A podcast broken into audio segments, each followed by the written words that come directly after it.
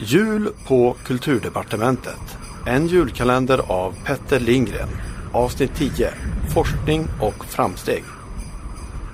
För strutkillen var det cool att hänga på kontoret medan jag och kulturministern drog till stadshuset på bal.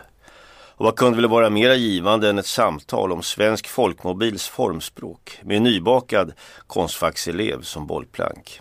Denne, alltså Sune, verkade mindre road. Jag vet inte, grön hammarlack, är du säker? Minnet av kvällen i Blå hallen är diffust. Men jag minns ändå någon sorts brun rök och i denna rök en trippande liten polsk tant, skrynklig som ett russin. Det var årets litteraturpristagare. Eftersom vi inte kunde ett ord polska hakade vi på tantens översättare istället, Anders Bodegård. Vi dunkade honom i ryggen. Vilken jävla grej hörru! Översättaren var emellertid långt ifrån lika fryntlig som han såg ut. Äh, snart är det slut för oss. Kolla här bara. Han viftade med det senaste numret av Forskning och framsteg. Datoröversättning sparar pengar, stod det på tidskriftens framsida.